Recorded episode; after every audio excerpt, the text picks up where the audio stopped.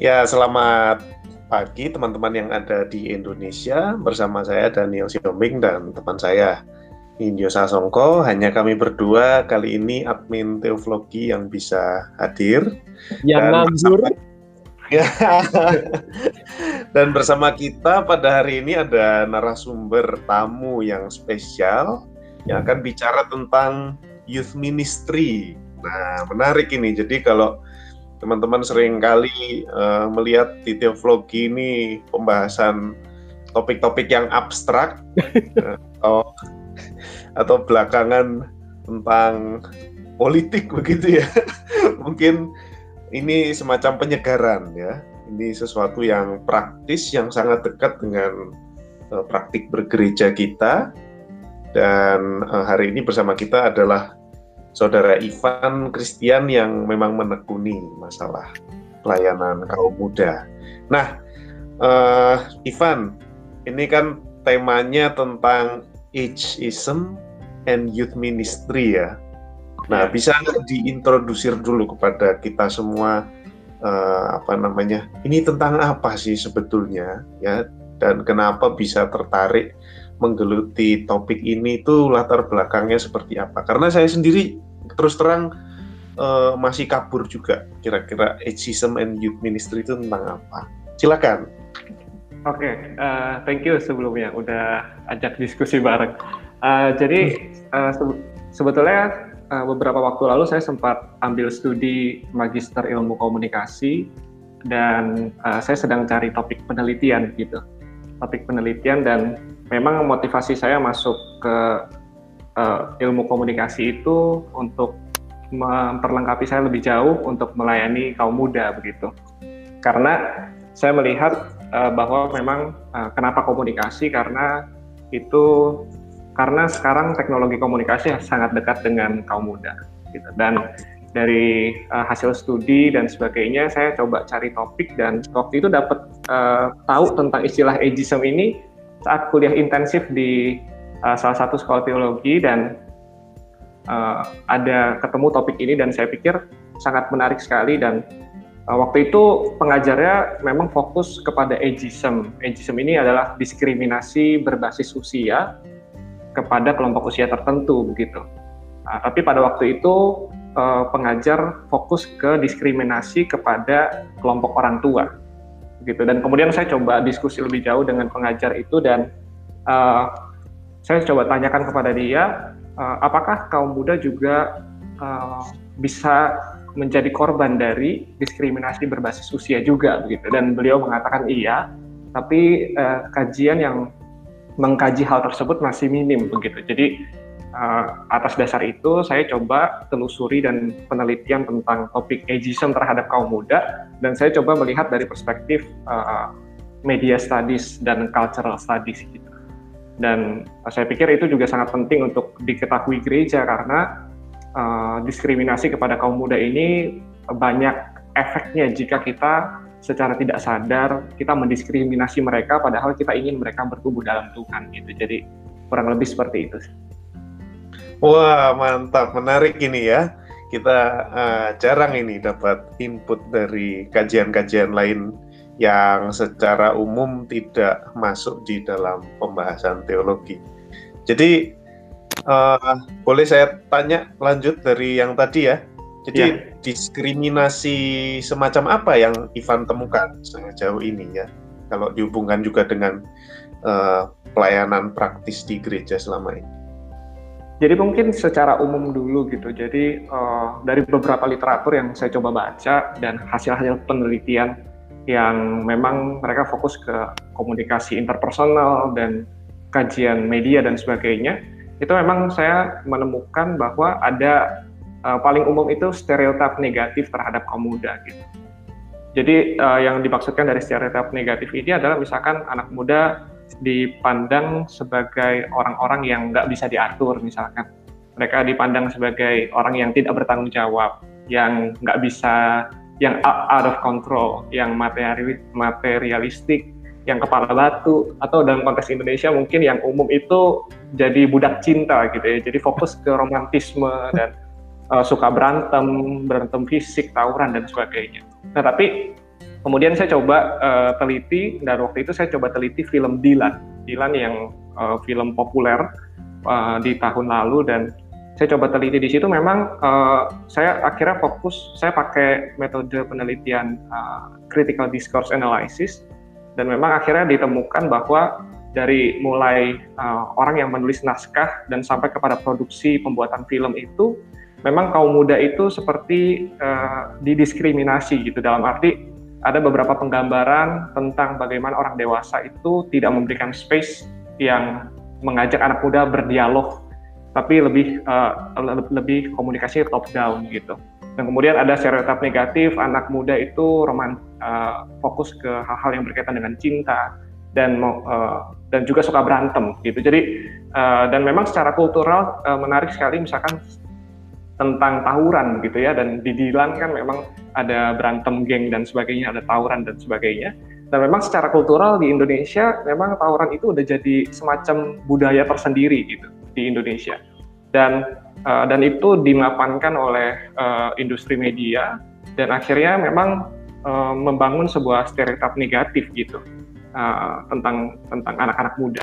Dan saya pikir uh, ada juga beberapa penelitian lain yang mengungkapkan bahwa ketika uh, orang dewasa itu termakan oleh stereotip negatif yang dibangun oleh budaya dan media saat ini, uh, pada akhirnya uh, mereka itu cenderung untuk melihat anak muda secara bias gitu, secara bias dan akhirnya itu pun secara praktis juga pada akhirnya bisa merusak relasi mereka antara orang dewasa dan anak muda padahal ada penelitian yang lain yang mengatakan anak muda bisa stay di gereja itu kalau mereka punya orang lima orang dewasa yang signifikan yang mendedikasikan hidup mereka untuk bertumbuh bersama anak, muda gitu jadi itu itu salah satu pengaruhnya sih kalau kalau saya boleh uh, jelaskan.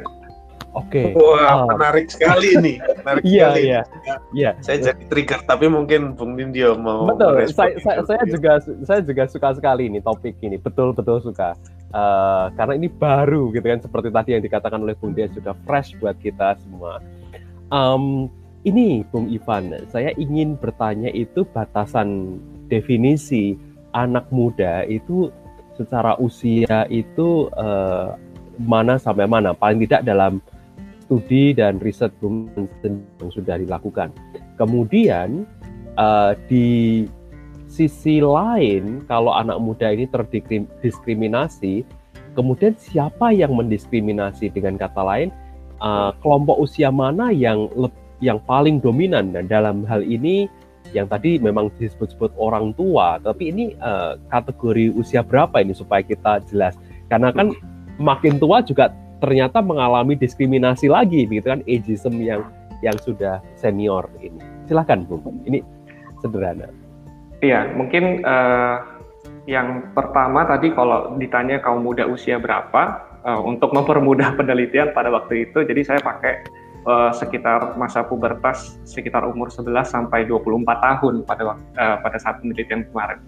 Uh, tapi kemudian saya coba baca-baca dan rasanya memang uh, pengkategorian anak muda berdasarkan uh, usia tertentu sekian sampai sekian itu juga kita perlu waspadai juga karena memang nggak kita nggak bisa mengeneralisir begitu. Nah itu itu tapi untuk kemudahan penelitian usia 11 sampai 24 tahun kira-kira seperti.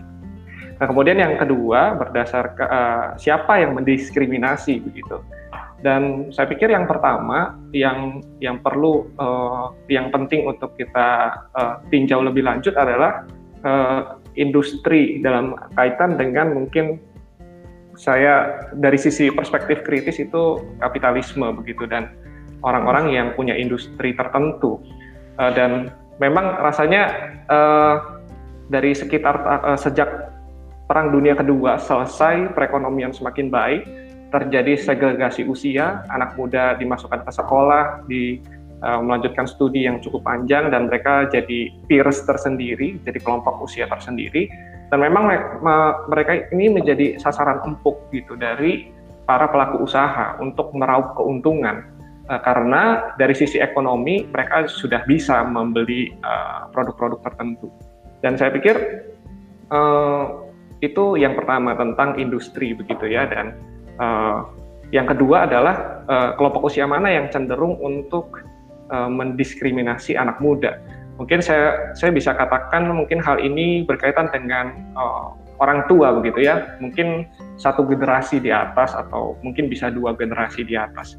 Kalau di dalam tulisan uh, yang pertama kali uh, Robert Butler itu yang pencetus ageism, um, dia ini di dalam tulisannya meskipun fokus ke diskriminasi kepada orang tua, dia di situ mengatakan uh, ada ada batas usia gitu, 30 tahun gitu ya. Jadi dia bilang uh, bisa jadi ageism itu terjadi dari mereka yang berusia di bawah 20, 30 tahun terhadap mereka yang di atas 30 tahun gitu.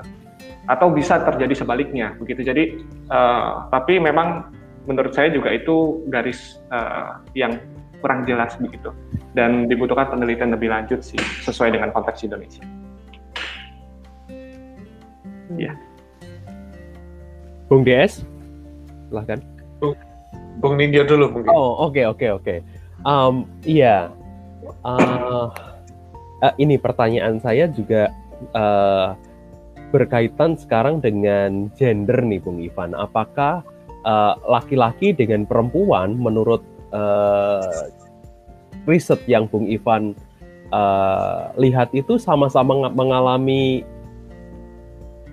penindasan begitu kan diskriminasi atau enggak dari gender itu juga ternyata ada perbedaan Uh, kalau itu saya mungkin belum, uh, saya tidak tahu terlalu jelas begitu, tapi uh, yang saya temukan memang uh, ada penulis yang mengatakan bahwa ageism ini memang mirip dengan rasisme dan dan seksisme gitu dan hmm. dan pribadi tertentu itu bisa menerima triple jeopardy katanya oh. dan itu dia wanita dia, dia wanita dia kulit hitam dan dia anak muda gitu jadi ada bisa terkena tiga diskriminasi sekaligus yang memang menyudutkan orang tertentu. Kalau di dalam penelitian saya misalkan yang kemarin berkaitan dengan film, memang rasanya penggambaran-penggambaran itu agak berbeda dari antara wanita dan pria begitu. Dan uh, pria ini lebih cenderung kepada mereka yang suka berkelahi begitu. Mereka yang suka berkelahi, mereka yang suka mendekati wanita lainnya, mereka yang uh, berani dan sebagainya bahkan sampai melawan guru dan sebagainya. Uh, yang wanita ini lebih cenderung pribadi yang uh, agak pasif gitu dalam arti uh, agak tunduk kepada kepada laki-laki gitu. Dan misalkan contohnya di dalam film itu ada kisah tentang Milea. Milea ini dia ini uh, tidak suka kalau laki-laki atau pacarnya itu Dilan itu berkelahi begitu. Nah tapi uh, wanita ini cenderung diam saat si laki-laki berkelahi untuk kepentingan si wanita dalam arti melindungi dan sebagainya gitu. Jadi uh, rasanya memang yang wanita ini lebih ditempatkan uh, dalam posisi dia yang pribadi yang harus dilindungi, dia yang hmm. harus uh, mengikuti dan sebagainya gitu. Jadi mungkin wow. itu gambaran secara umum aja gitu. Nah, ini menarik.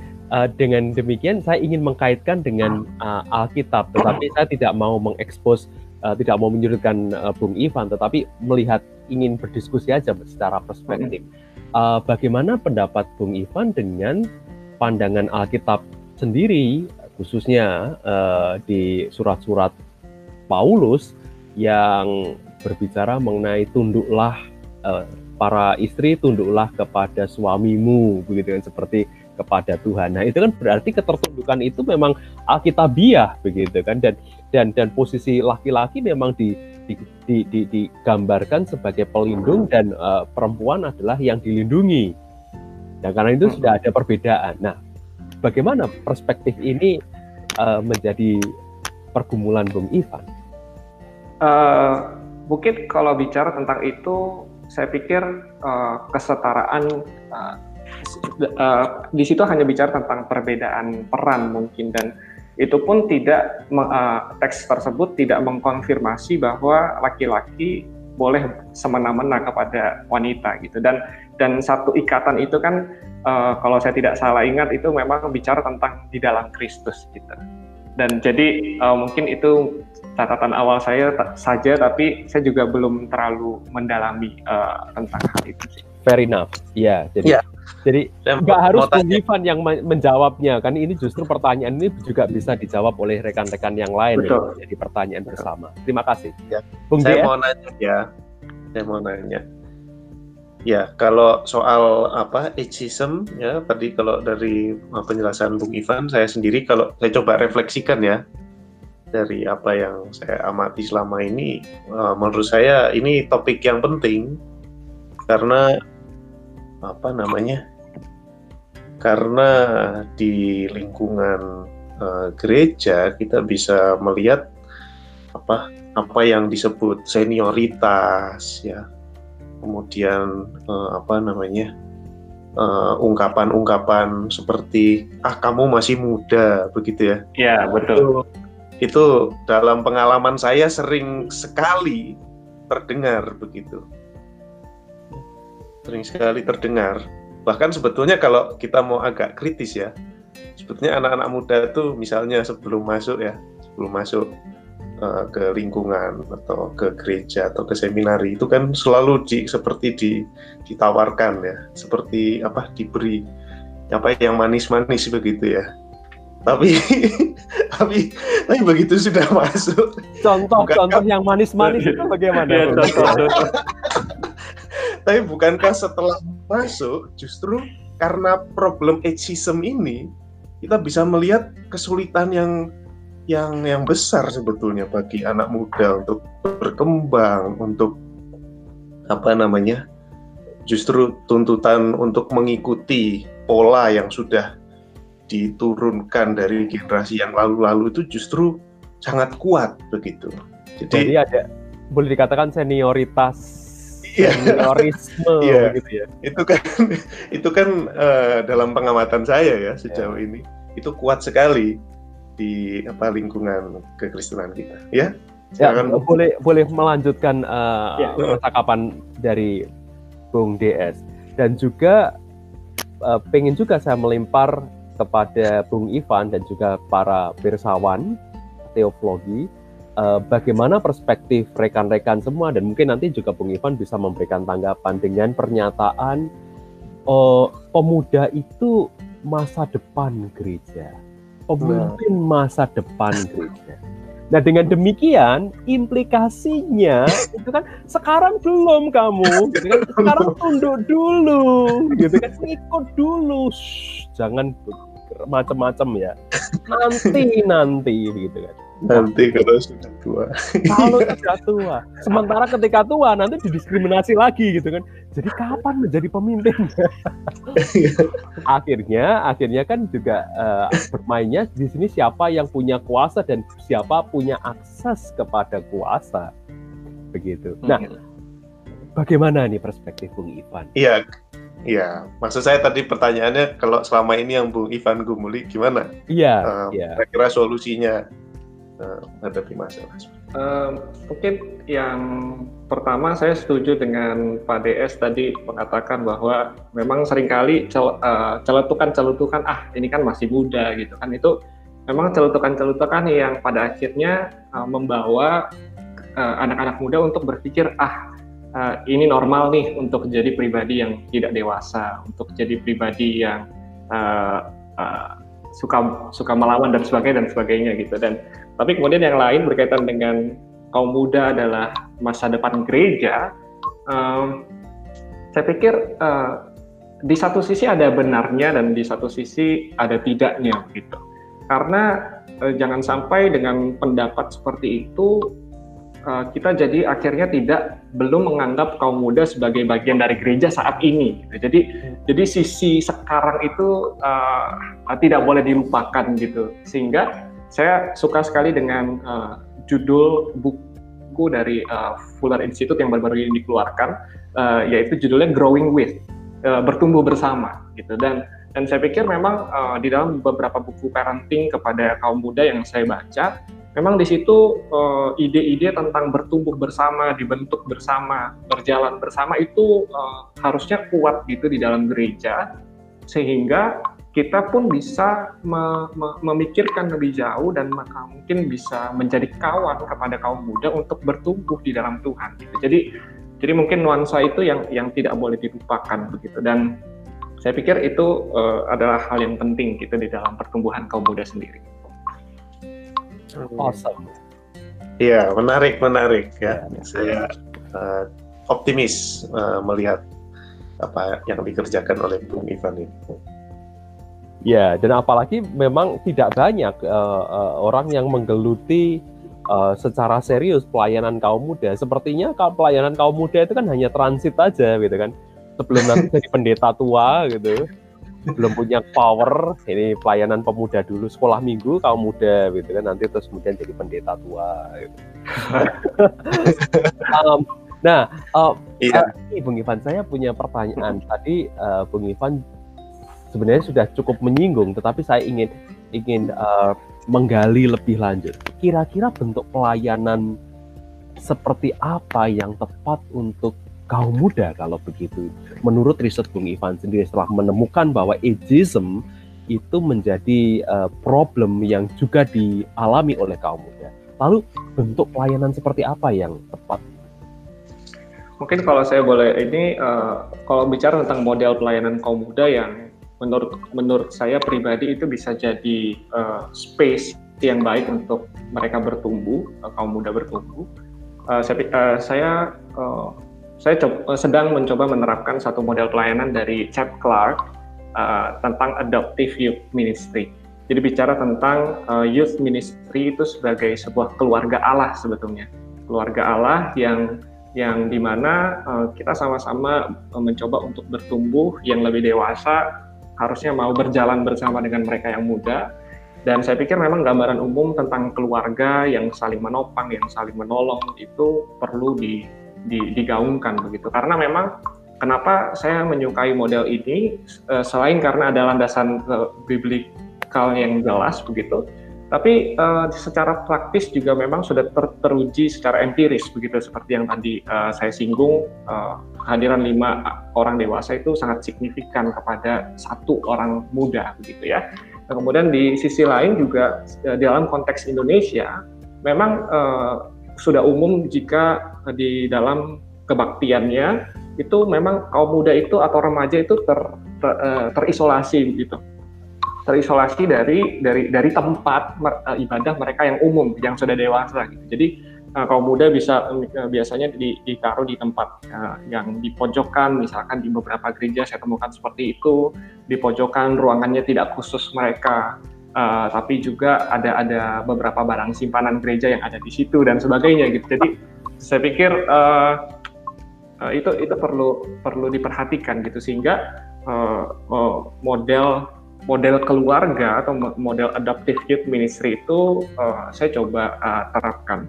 Tetapi mungkin di sisi lain saya ingin menambahkan satu penekanan yang menurut saya kurang ditekankan di dalam model adoptive itu yaitu uh, satu perkataan Paulus di Timotius tentang uh, janganlah engkau menganggap uh, janganlah engkau menganggap dirimu rendah gitu ya uh, karena orang lain menganggap demikian tapi jadilah teladan. Dan saya pikir uh, teks ini sangat jelas bahwa memang secara kultural uh, sudah ada uh, orang yang memandang rendah kaum muda gitu, bahkan sedari dulu gitu ya. Dan saya pikir uh, teks ini uh, optimis sekali melihat bahwa anak muda memang bisa jadi contoh bahkan bagi mereka yang sudah lebih dewasa dari mereka. Dan di sisi lain juga saya mau uh, saya ingat uh, di Mazmur 119 bicara tentang anak muda bisa mempertahankan kelakuannya baik dan sebagainya karena firman Tuhan dan sebagainya. Dan saya ingat di situ juga ada pembahasan tentang uh, misalkan orang dewasa yang selalu memandang pengalaman mereka lebih banyak dari kaum muda dan merasa lebih baik karena pengalaman itu. Dan di teks itu ternyata uh, justru firman Tuhan mengatakan bahwa pengalaman aja nggak cukup gitu. Bahkan pengalaman aja juga bisa uh, membawa kita uh, jadi pribadi yang salah juga gitu ya Uh, tapi di situ ada penekanan firman Tuhan dan saya pikir uh, itu yang uh, penting juga dalam dalam uh, adoptive youth ministry itu. Wah, oke, okay. ini menarik, menarik sekali. Nah, tapi okay. boleh boleh biasanya saya memang menjadi apa namanya uh, devil's advocate nih, boleh ya? Oke. Okay, okay. Devil's advocate. Ada beberapa, ada, ada satu hal aja lah, Bung Ivan, atau atau dua. uh, yang pertama uh, mengenai adoptive ministry dan model yang dipakai adalah model keluarga, begitu kan?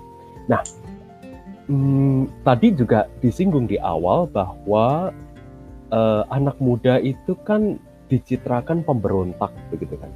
Atau golongan mud, kaum muda uh, apa or, uh, kategori usia muda ini adalah kategori pemberontak yang jengah sekali dan jenuh sekali berada di keluarga bahwa uh, sebagai anak muda remaja khususnya itu kan merasa bahwa rumah itu bukan tempat yang nyaman buat aku.